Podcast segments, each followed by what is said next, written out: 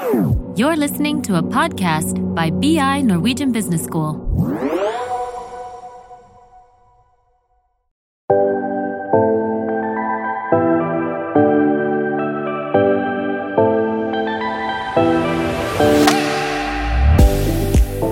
Velkommen til Karrierepraten. Denne gangen har min kollega Elin invitert McKinsey inn i podkaststudio for å snakke om hvordan de går frem for å finne den beste kandidaten. Til nytte for både jobbsøkere og rekrutterere. Så dette anbefaler vi dere å høre gjennom. Velkommen til denne podkasten. Vi skal snakke om et eh, tema som eh, mange kan eh, relatere seg til, nemlig jobbintervjuet. Og det å både få jobb, men faktisk også som arbeidsgiver finne den rette personen til riktig jobb. Og det trenger ikke alltid å være så lett. Med meg i studio i dag så har jeg fått med meg to stykker fra konsulentselskapet McKinsey Company. Eh, Jeg heter Elin Akre Trønnes, er høyskolelektor på Institutt for ledelse på BI. Eh, Og med meg så har jeg altså eh, Kaja Rutgersson og Kristoffer Toner. Velkommen hit. Tusen takk. Du, Kan ikke dere begynne å si litt om eh, hvem dere er, og hva dere driver med? Kaja? Jo, ja, så um, mitt navn er Kaja Rutgersson, og jeg er det vi kaller recruiting manager eh, i McKinsey. Så jeg leder rekruttering vi gjør i Norden. Um, har som bakgrunn så har jeg studert økonomi og psykologi på NTNU, eh, også med fokus på organisasjon og ledelse, både innenfor økonomi og innenfor psykologi. Så akkurat det her er jo veldig relevant, eh, også det faget her for min del. da. Eh, Jeg jobber med eh, rekruttering i ca. tolv år. Jeg har vært i McKinsey i totalt 14 år, så vært der ei stund. Og ellers er jeg gift, har to barn, så det tar også masse av min tid, tid nå, det. Så Mm. bra. Så hyggelig å ha deg her, Kaja. Veldig hyggelig. Kristoffer, hvem er du? Takk. Nei, jeg heter Kristoffer Toner, så jeg er juniorpartner i McKinsey. Der jeg har jobbet nå i litt over fire år. Eh, ja. Jeg har gått på NHH, eh, så jeg er økonom også. Og eh, jeg gleder meg til å snakke om rekruttering, for eh, det syns jeg er noe av det viktigste vi driver med. I tillegg til eh, eh, å være rådgivere for selskaper og organisasjoner, så handler det jo om for oss å finne ut hvem som skal gi de rådene. Og det syns jeg er veldig meningsfylt å være med på. Det skjønner jeg veldig godt. Og rekruttering, det er jo Det er spennende, det er givende, men det er også ganske risikofylt. For det er ikke, det er ikke billig, for å si det sånn, å ansette feil person. Og da snakker jeg ikke bare i penger, da snakker jeg også i en del andre negative konsekvenser. Så det her er viktig å vite hva man driver med. Hva, hva kan dere si rundt liksom Hvordan tenker dere litt sånn overordna om rekruttering når dere skal gå ut og finne de her menneskene som skal gå ut og gi råd, da, som du sier, Kristoffer? Hva tenker dere der? Jeg tror For oss er jo det å, å kunne tiltrekke oss disse beste, skarpeste hoder som kan bli gode konsulenter. Eh, og for oss så gjelder jo det det at, eh, at man kjenner til oss som firma. Vi ønsker jo helst at det skal være sånn at hvis man skal bli eh, og jobbe med management consulting, så er det helst McKinsey man ønsker å jobbe med. Og det, det er litt min jobb å prøve å, eh, å få til det, og da gjelder det at også studenter og de som søker jobb, kjenner til oss. Eh, Vi ansetter en del eh, som kommer rett fra eh, universitet eller høyskole. Eh, og vi bruker da også mye tid og ressurser på å kunne være til stede på ulike høyskoler og universitet. Eh, så det vi gjør da, vi har bedriftspresentasjoner, vi har eh, fagfrokoster, vi har webinar, vi har eh, ulike workshops. Eh, Vi har også større eh, arrangement der man kan bli kjent med oss over litt lengre tid. Eh, vi har vel før korona så har vi en, en årlig tur der vi tar med ca. 20-25 studenter til Kitzbühel. Eh, og, og har en rekrutteringshelg eh, der vi går gjennom et case, så man kan forstå mye mer av hvordan er det vi jobber faktisk med våre klienter, eh, og lære mer av hvordan vi løser våre eh, eh, altså hvordan vi tenker på problemløsning, eh, og også bli kjent med oss som mennesker, som bedrift, for å se om er det her riktig også for det som, som kandidat. Har du vært med på den turen? Jeg har faktisk ikke vært med på akkurat den turen. Men jeg har jo vært med på bedriftspresentasjoner i Bergen f.eks. Som både er ja, gøy, men som også gjør at man får mulighet til å bli kjent med dem som jobber i de ulike selskapene og hos oss. Så jeg tror det viktigste rundt det der med at, eh, som du sier, da, at rekruttering er, er, viktig, og det kan på en måte i anførselstegn være dyrt å, å gå feil, eh, så, så, er kanskje det viktigste at rekruttering er ikke bare fra man sender en søknad til man er på et intervju. Det, er, det skjer hele året. Eh, og intensjonen er at dere og de som har lyst til å vurdere oss som arbeidsgiver, får mulighet til å bli kjent med med oss, ikke bare som selskap, men som enkeltmennesker. Så, så, derfor holder det på en måte ikke for oss å sende ut litt informasjon på en plakat eller på et ark, men heller bruke litt tid sammen og ja, egentlig ikke snakke om McKinsey hele tiden heller, men å snakke med hva som er viktig for studentene der og da. Hvordan går det med eksamensforberedelsene, og hvordan Ja, som du sier, Kaja, nå er det jo korona, men eh, ja, hvordan går det? Og rett og slett bli litt kjent. Og, og så gi oss mulighet til gjennom det å bli kjent med dem. Så det jeg hører nå, er jo at eh, dere starter jo egentlig den prosessen, den rekrutteringsprosessen, da, eh, ganske lenge i forveien, før de i det hele tatt skal søke jobb og komme på dette intervjuet, som vi jo selvfølgelig skal komme uh, tilbake til. At det handler om å bygge en relasjon, og det handler om å finne den der genuine matchen. Riktig. Har jeg forstått det riktig da? Ja, helt klart. Ja. helt klart. Og jeg tror veldig mange av de som starta hos oss, har kanskje blitt kjent med oss når de gikk på andre kull eller tredje kull, ved å være med på en bedriftspresentasjon eller lignende. Og så er det eh, også en mulighet å f.eks. ta et internship. Eh, akkurat internships er Eh, noe jeg anbefaler alle å, å, gjøre så mye man kan eh, av som mulig innenfor ulike industrier, sånn at du kan se hva, hva er det som passer for det som kandidat. Men det er også en veldig fin måte for oss å bli ordentlig kjent med, med de som søker på jobb hos oss. Men ok, eh, før vi liksom kaster oss inn i selve eh, intervjuprosessen, jeg er nysgjerrig. Hva tenker dere er noen av eh, fallgruvene man eh, som bedrift eller som rekrutterer kan eh, gå i? Hva skal vi være obs på? Jo, jeg tror jo det handler litt om å vite hvor skal du være til stede. Hva kandidater er det du søke etter. Og pass på at du også promoterer din stilling eller din bedrift på riktige kanaler ut ifra det, som, som, vi snakker om. For oss er vi ansetter mange direkte fra universitet og høyskole, så vi er mye til stede der. Sosiale medier er viktig for oss. Jeg tror en av fallgruvene kan jo være at du promoterer stillinga di et sted der, der de riktige kandidatene ikke er. Så for eksempel er du ute etter studenter, så kanskje du bør promotere stillinger på Instagram eller i en studentavis istedenfor å ha en helside annonse i DN, for eksempel. Eh, så bare være bevisst på det. Og så tror jeg en ting som er veldig viktig for oss, er kandidatopplevelsen. Og da snakker jeg om alle som er i kontakt med McKinsey. Vi ønsker at de skal ha en god opplevelse av det. Og vi er jo i en heldig situasjon der vi får ganske mange søknader til de stillingene vi ansatte, til. Eh, men det å være bevisst på at folk faktisk har brukt ganske mye tid på å sende inn søknad eh, det her, For mange er det noe de har ønska over lang tid, og ha respekt for det. Eh, og passe på at alle får en svar på søknaden, eksempel. Mange feiler allerede der. Eh, ganske mange sender faktisk ikke et svar når man sender inn en søknad, så går man og lurer i lang tid. Og så tror jeg at det å være bevisst på, selv om kanskje denne kandidaten ikke fikk komme på intervju den gangen her, eller ikke fikk stillinga etter de har vært på intervju, så kanskje eh, vil de være aktuelle om to-tre år. Vi ønsker fortsatt at de skal ha et ganske bra eh, inntrykk og opplevelse av det her, og, og, kanskje er de fremtidige kunder eller klienter av en, så det er også noe man bør være oppmerksom på.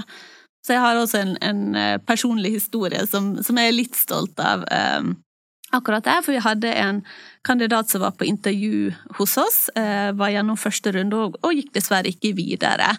Og så uh, mandagen etter så fikk jeg tilsendt sjokolade på jobb. Det fikk også alle som intervjua den kandidaten her, fordi Han følte han hadde lært masse av å være der, som han kunne ta med seg til fremtidige intervju han skulle på. Han, eh, ja, han hadde en god opplevelse av, eh, av intervjuet. Så da følte jeg at hadde gjort, vi hadde gjort noe riktig akkurat der, da. Absolutt. Absolutt. Det, det er godt tips til oss alle, egentlig, hva, hva du skal gjøre hvis du ikke, ikke, går videre også. Og så tror jeg, hvis jeg kan nevne én ting til, så tror jeg det handler litt om hva tankesett man har rundt det å intervjue og finne de riktige kandidatene. Så ikke vær så fokusert på at du skal liksom finne ut om noen har feil, eller skulle selektere ut noen, men heller prøve å tenke hvordan kan jeg forberede folk å bli suksessfulle i de intervjuene her? Eh, så jeg tror noen kan ha, fall, ha den fallgruven at de fokuserer litt feil akkurat der. Og vi bruker altså mye tid på å forberede våre kandidater. Vi har egne kurs man kan være med på i forkant av intervju for at du skal lykkes, og også være litt mindre nervøs, for, for det er jo også en ting Eh, når man er på intervju, eh, så, så kan mange også være ganske nervøse for det. Men Kristoffer, du, du, var jo gjennom ansettelsesprosessen til McKinsey for uh, noen år siden. Mm, ja. kan, kan, du si litt om opplevelsen din, og hva, hva lå i ansettelsesprosessen hos McKinsey? Nei, så For meg så, så syns jeg den representerer det som vi har snakket litt om, at den, den er flere enn ett eller to steg.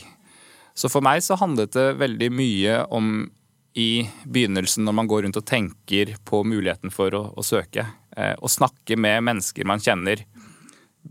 Eh, og jeg var så heldig at jeg hadde flere som jeg kjenner som har enten vært intern eller jobbet der allerede.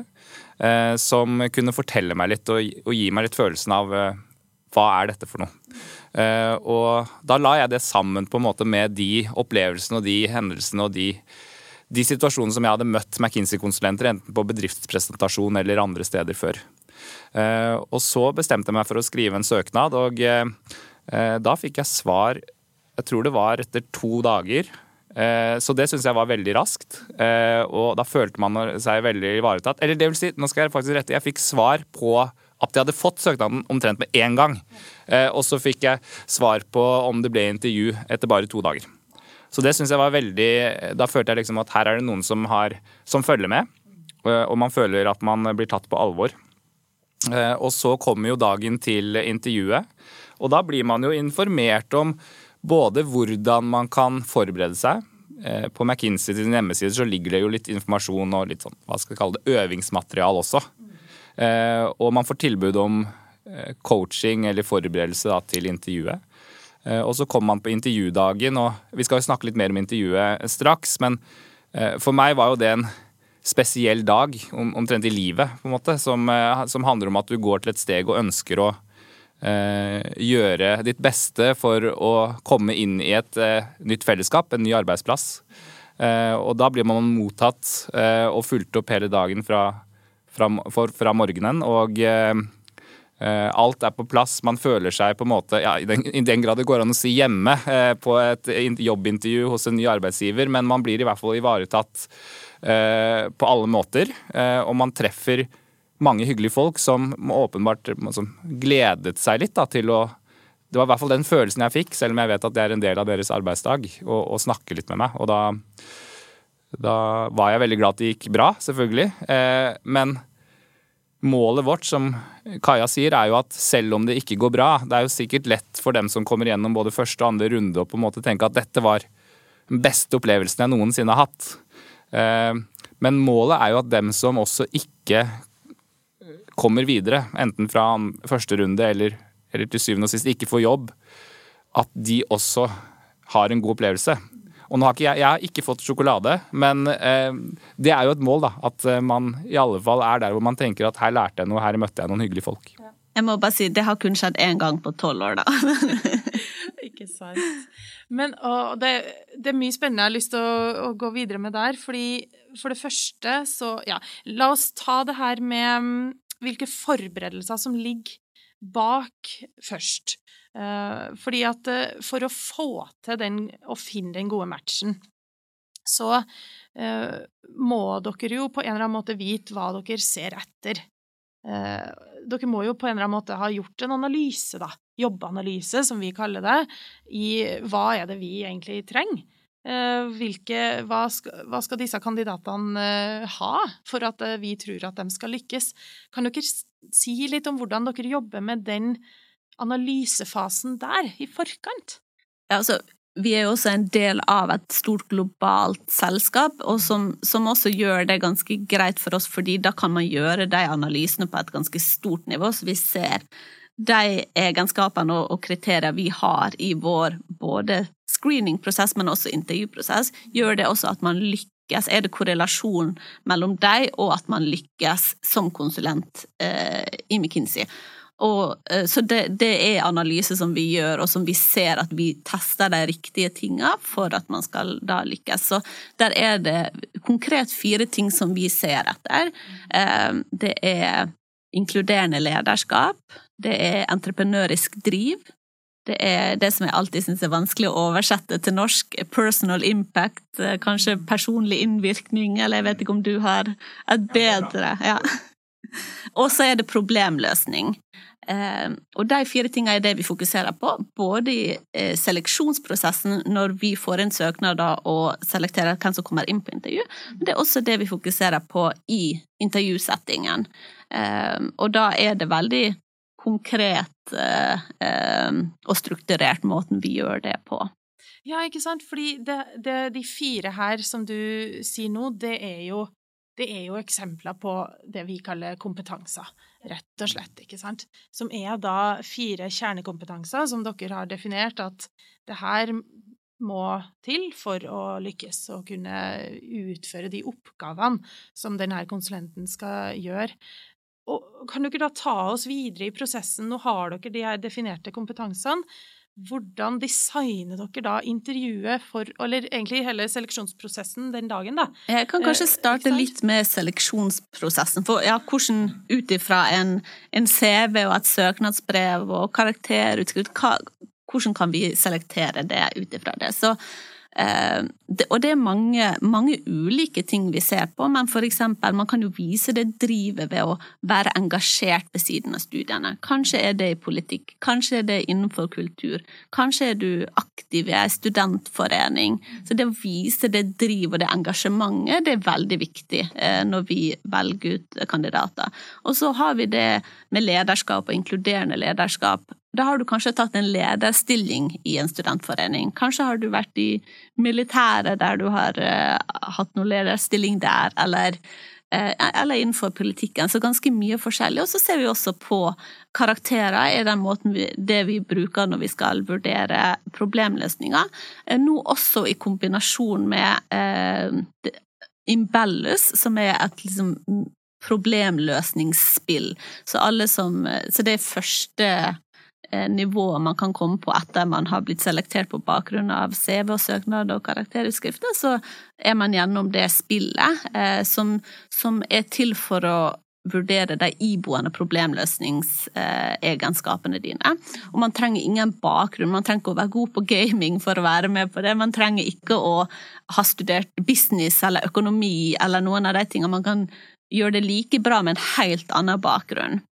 Eh, og de, de tinga liksom kombinert er det som gjør at vi vurderer hvem som kommer inn på intervjuet. Veldig, veldig bra. Og så kommer jo en eh, prosentandel da videre til selve denne eh, dagen. Og vi har, vi har jo egentlig ikke gått Det er jo litt sånn myteomspunnet, den herre dagen hos uh, McKinsey, som har, så vidt jeg har skjønt, uh, flere deler, og noen går videre etter lunsj og litt sånne ting. Men, men jeg har ikke vært der. Ta oss litt sånn inn bak uh, kulissene på den herre assessment-dagen hos McKinsey. Ja, altså det, det, er jo en dag når du kommer til intervju, og som jeg sa i stad, det som jeg syns er viktig å, å anerkjenne litt, for det, det, var sånn for meg, er at det er en eh, veldig viktig dag. Eh, man er ofte litt grann spent, eh, fordi det er eh, Man skal på en måte prestere, man skal gjøre noe, noe, nytt. Man vet ikke helt hva som venter. Samtidig, når du sier at det er litt mystikk knyttet til dagen, så er det jo egentlig ingen grunn til det. Eh, fordi de, den skal være ganske oversiktlig. Så, så hvis man liksom tar Man kommer inn eh, om morgenen. Så, en, eh, så blir man tatt imot, og så er det den første runde med to intervjuer. Før lunsj, for å bruke det som referanse. Og så kan man ta lunsj. Eh, og under lunsjen så diskuteres det jo eh, blant intervjuteamet og dere rekrutteringsteamet, Kaja, hvordan de ulike kandidatene har gjort i første runde. Så hvis det går veien, så går man jo videre til en runde to etter lunsj med partnere i, i, selskapet, og det er også to intervjuer. Og etter det så skjer det jo Er man jo ferdig, så skjer det jo en, en diskusjon og så er det veldig viktig for oss at man får svar samme dag på hvordan det gikk med, med hovedspørsmålet den dagen om man får jobb eller ikke. Vi opplever at det, det, er en effektiv dag. Eh, man får svar raskt. Og så er det selvfølgelig en, en helt klart en full dag for, for, de som kommer inn på intervju. Så vi passer på at de får god lunsj, og de får eh, kaffe, og de får brus, og de får det de trenger for å kunne gjøre det bra. Akkurat nå så skjer jo det her virtuelt eh, på eh, Zoom, eh, så på video. Og det har også egentlig fungert veldig fint, eh, men til vanlig så inviterer vi da kandidater til vårt kontor. Nettopp. Ja, for det er jo et annet aspekt, det her med at det nå skjer eh, digitalt. Kan vi ta en kjapp eh, på det? Hvilke For vi, vi, vi, det er jo mye vi kunne ha snakka om i forhold til her, de her biasene som oppstår i, en, i møte med andre mennesker, eh, fysisk også, ikke sant, som handler om kroppsspråk, og som handler om veldig mye annet enn enn kanskje bare de kompetansene også. Eh, hvordan slår det her ut når det er digitalt? Er det en fordel, er det en ulempe? Hva mister dere, hva gainer dere? Det, det, er et godt spørsmål. Jeg tror liksom, Vi kan jo starte med det at alle våre intervjuere eh, jevnlig går gjennom eh, opplæring og training på eh, unconscious bias, i mangel på det, på det, norske ordet for det. Eh, men det er noe vi har veldig fokus på. Det skal ligge til bakgrunn, sånn at vi, ikke, sånn at vi tar beslutningene på bakgrunn av de egenskapene som vi faktisk ser etter. Eh, og det er også derfor vi kun fokusere på det i våre beslutningsmøter. Det er de egenskapene vi eh, er på utkikk etter, og at vi ikke skal eh, ta inn veldig mye annet i den beslutninga som vi tar, da. Og så tror jeg at det er mange positive ting ved, at, ved å ha intervju på Zoom. Det gjør jo også at Jeg snakka faktisk med en nyansatt i går, som akkurat hadde vært gjennom intervjuprosessen, og som sa at hun syns hun var ikke så nervøs som hun kanskje har vært i andre intervju, for hun satt faktisk hjemme. Eh, og hadde liksom Ja, det var kjent, det som var rundt henne. Eh, så det var litt sånn interessant å høre det fra eh, den siden. Og så tror jeg også noen syns jo at det er mye bedre å kunne være der personlig og, kunne vise seg liksom sitt hele jeg, men jeg tror også at det her er jo noe vi nå har blitt veldig kjent med. Du har jo gjort mange intervju på video nå, Kristoffer, og, og, vi lærer jo oss hvordan vi gjør det på en god måte og får det inntrykket vi trenger. da. Ja. Altså, jeg tror, jeg tror altså, Sånn er det jo. Eh, ting er på, på, video. Og jeg tror å gjøre intervjuer på, på, på Zoom eller Teams eller eh, på en Eh, videokonferanse. Det er eh, det, det fungerer. Eh, og så er det selvfølgelig forskjellig fra å være i samme rom. Men, men, det tror jeg liksom har Det kan hende faktisk at det gjør at det, det, jevner ut litt de som har liksom ekstrem liksom, sånn, stor personlighet i et rom, med de som Eh, er litt mer samlet, naturligvis. Nå, og nå er det jo sånn som Kaja sier at det er, jo, eh, det er jo ikke en del av kriteriene. Eh, I utgangspunktet hvilket inntrykk man gir med sitt kroppsspråk. Men det kan hende at Zoom måte reduserer uansett det potensielle problemet da, i, et, i et intervju, som vi er, vi er, veldig bevisste på, men som, men som likevel er jo en, en, faktor man må prøve å på en måte vurdere seg vekk fra. Men er det sånn, fordi jeg hører jo, og det er jo utrolig spennende å høre at dere faktisk eh, anerkjenner og ser de fordelene, og også det her med de biasene, de psykologiske biasene, som uh, vi jo vet vi, uh, vi holder på med hele tida. Er det sånn at dere ser for dere at dere vil fortsette digitalt etter korona fordi dere ser noen fordeler ved det, eller hva tenker dere der? Jeg tror Vi har ikke helt kommet til en beslutning på det ennå, men det er også tidsmessig ganske mye for studenter, for veldig mange vi, vi eh, intervjuer, er basert ikke i Oslo, men også i Trondheim, i Bergen, ulike steder i landet. Eh, og bruker jo de intervjuene ofte ikke kun med oss, men også andre bedrifter. Og, og bruker en del av sin studiehverdag faktisk til å reise på intervju. Eh, så det er godt mulig at vi kommer til å beholde første runde virtuell. Eh, og så kunne ha andre runde eh, personlig. Eh, at du kommer da til McKinsey. Da vil vi splitte det opp over to uker, eh, så det blir litt mindre effektivt enn hvordan vi gjør det per i dag.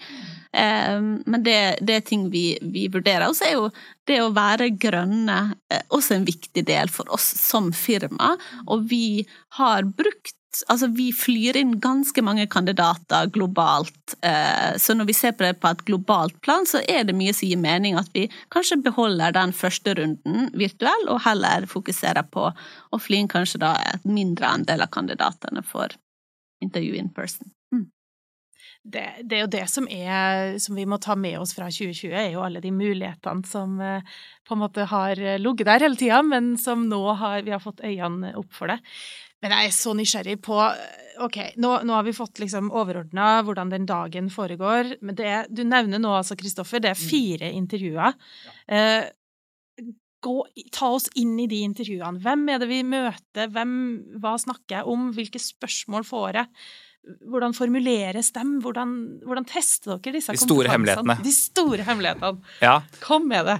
Nei, så, så Eh, for å starte med, med spørsmålet hvem møter du, så, så, møter du konsulenter. Du møter dine potensielt nye kolleger. Eh, og, og, i første runde så er det ofte eh, prosjektledere og lignende som er erfarne intervjuere. Og som, som, går gjennom kursing regelmessig, sånn som Kaja sier. Og i andre runde så er det, er det fra, fra partnerne. Så det er jo første hovedbudskap er jo at intervju er også en mulighet til å bli kjent med, med de menneskene som jobber på den arbeidsplassen du vurderer å har lyst, har lyst til å starte hos. Og så uh, er det veldig viktig for oss å relatere til den diskusjonen om, om Zoom eller i samme rom.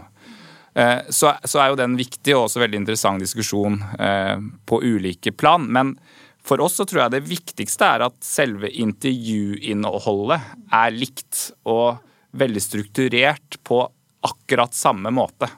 Så hvis jeg er første intervjuer i første runde, så pleier jeg å si at nå kan jeg gå igjennom hvordan dette kommer til å bli satt opp. Og så kommer det til å være likt i alle intervjuene du skal ha i dag. Og det er at vi har en del som spør om en personlig erfaring. Og det går på i hvert intervju så går det på én av de tre måte, kompetansene som du eh, sier, Elin, som, som, er enten personal impact eller personlig innvirkning, gjennomslag, påvirkning. En miks av de tre ordene. Eh, entreprenørisk eh, eh, driv og inkluderende lederskap. Og så er det ett Det er på en måte del én, og så er det del to som er problemløsning, som da er et eh, såkalt business case, for å si det på nynorsk. Eh, og det er likt. Eh, og så helt på slutten så er det tid til å, å stille spørsmål, og også for kandidaten å stille spørsmål tilbake til den som intervjuer. Og det kan være om alt mulig fra hverdagen til, til eh, ja, ulike prosjekttyper og sånn, for å få litt innblikk. Eh, så det er strukturen på intervjuet, eh, og det skal være likt. Og det er jo en av måtene man jobber for å fjerne eh, ja, sånne forutinntattheter som kan påvirke intervjueren. Absolutt. Absolutt. Og så er jo det også interessant hos oss, er det helt likt globalt. Så på fredag så kan Kristoffer altså, i vanlige tider bare dratt til London og intervjua for London-kontoret. Det ville vært akkurat samme prosess, akkurat det samme som kreves for å bli ansatt. Um, og det er også viktig for oss fordi vi jobber så internasjonalt. Uh, så mange av uh, prosjektene til uh, til våre konsulenter er ikke nødvendigvis i Norge, men også i andre land globalt. Så det skal være helt de samme tingene som, som kreves for å bli ansatt. Og vi vet jo fra fagstoffet, og jeg forstår jo at det er det er kompetente intervjuere vi har å gjøre med her. fordi at dere er jo helt i tråd med det all forskning viser også. At skal du ha valide, reliable intervjuer som faktisk kan uh, være med og predikere hvem som vil gjøre det bra, så må du ha den strukturen. Uh, du må stille de samme spørsmålene til alle kandidater, sånn at du kan sammenligne appelsiner med appelsiner, rett og slett. Jeg tror det er veldig viktig. Og jeg ja. tror at, at ja, Vi snakka litt om fallgruver tidligere, men jeg tror det å gjøre intervju på en veldig generisk måte, der du har funnet liksom noen spørsmål du skal stille fra internett, det er ikke nødvendigvis måten å gå. Så ja, jeg støtter under det.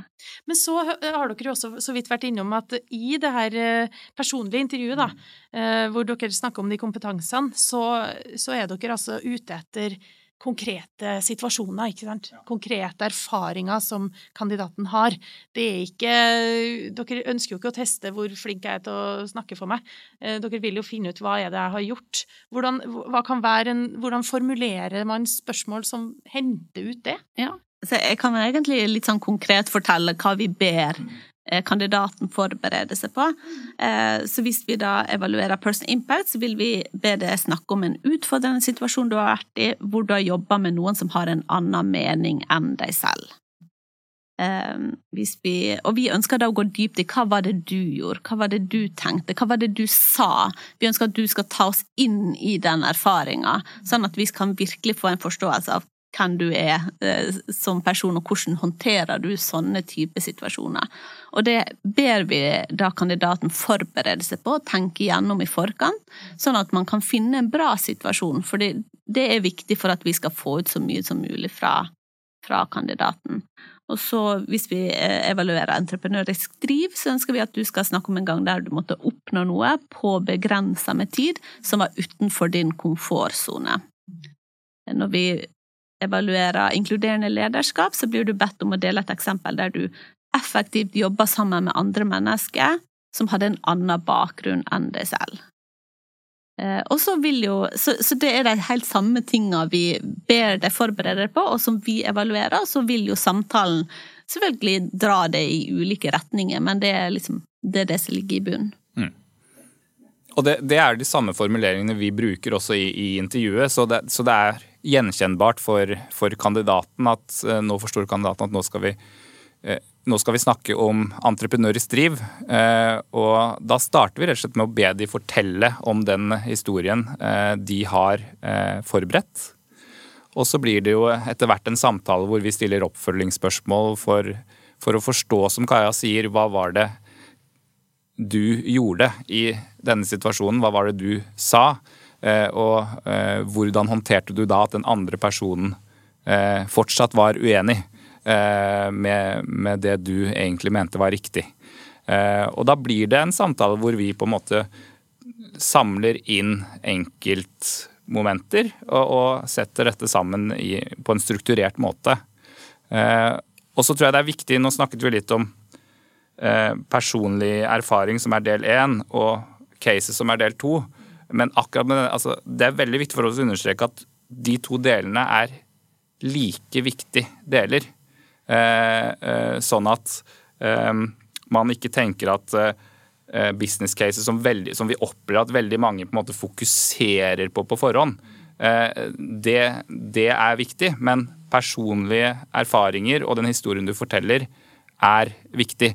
Og så er det andre jeg ville si at som Kaja sier, det er, det er, et veldig viktig mål for oss å hjelpe kandidaten til å gjøre det bra.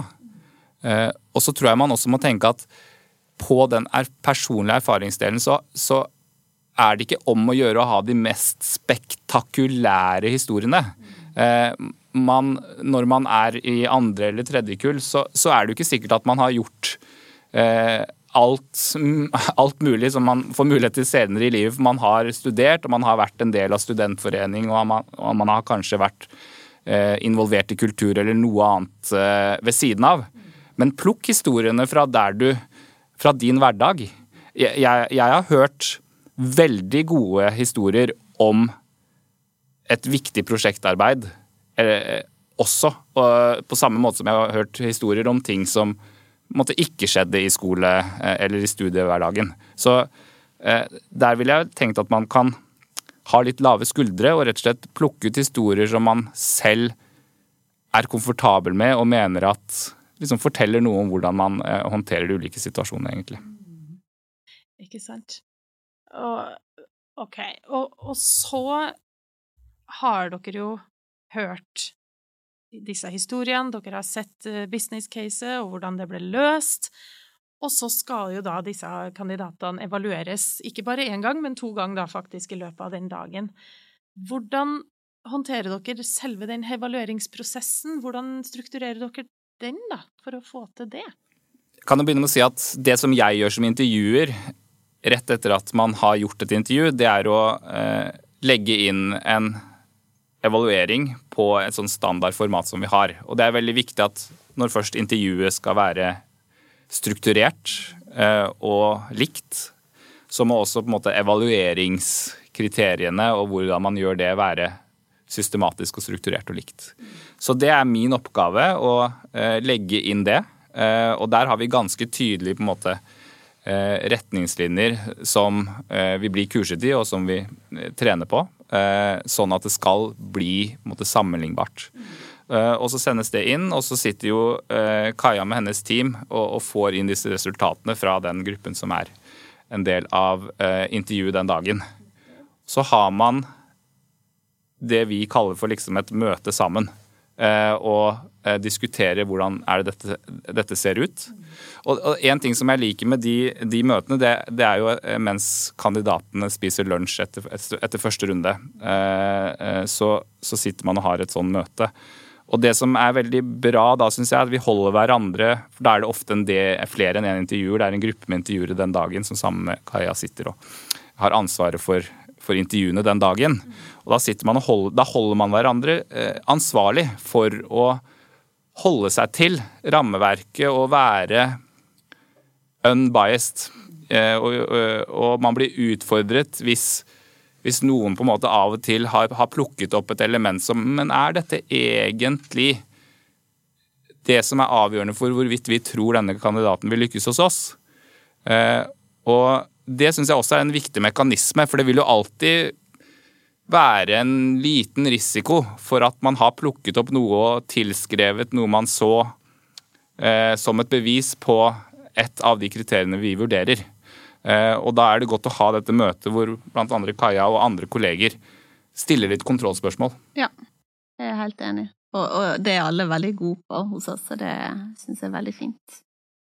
Altså, dere har jo tatt oss nå gjennom en eh, rekrutteringsprosess som eh, etter hva jeg kan forstå er både gjennomtenkt, velfundert, også i fag og forskning.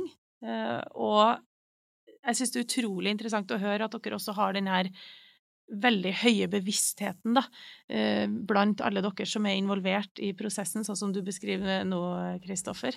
Så det er ikke overraskende for meg i hvert fall at dere faktisk lykkes gang på gang i å finne eh, kandidater som både er en god match med selskapet, men også som faktisk kan gjøre en forskjell for klientene deres. Det har vært utrolig hyggelig og spennende å ha dere her, begge to. Tusen hjertelig takk for at dere tok turen til BI og fortalte oss litt om eh, hvordan dere driver rekruttering. Tusen, Tusen takk. for at vi ble invitert. Det har vært veldig gøy. Tusen takk.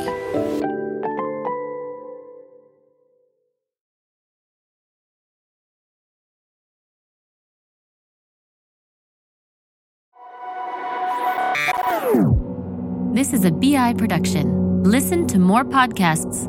Go to bi.no slash podcasts.